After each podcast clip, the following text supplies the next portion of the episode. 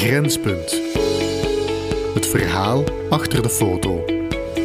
De woensdagnamiddag was er hier kartingen. Toen eh, zijn we eigenlijk met de jongere generatie, een tweede generatie als je zo wil noemen, begonnen met een bedacht van waarom spelen we geen toneel. We speelden hier onder het afdak, neerdak. De mensen zaten op het terras, het publiek zat op terras en ze speelden eigenlijk ja, onder een neerdak. Vroeger, ja, die ramen waren er niet en eh, de kinderen zaten eigenlijk letterlijk op het tapijtje, eigenlijk onder het afdak zo, tegen de spelers. Als het regende, ja, was er een tent maar ja, die tent liep nu en toen een keer in. Er zijn mensen zat met een paraplu in de tent. En verstonden door de, door de regen op dat plastic, moesten de mensen over de spelers eigenlijk roepen. En dat is uitgegroeid. Toen zijn we naar de jongensschool gaan spelen.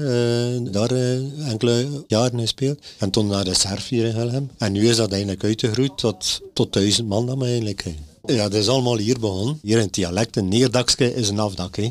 Dus ja, eigenlijk zo is dat eigenlijk, ja, we zeggen, kijk, we speelden de eerste voorstelling was eigenlijk onder dat afdak. Dan zeggen, ja, hier, hier zijn we dat, dat neer, een neerdak. Dus ja, zo is het in de naam eigenlijk blijven bestaan. Benieuwd naar meer verhalen? Scan de QR-code bij de volgende foto. Of luister thuis online verder.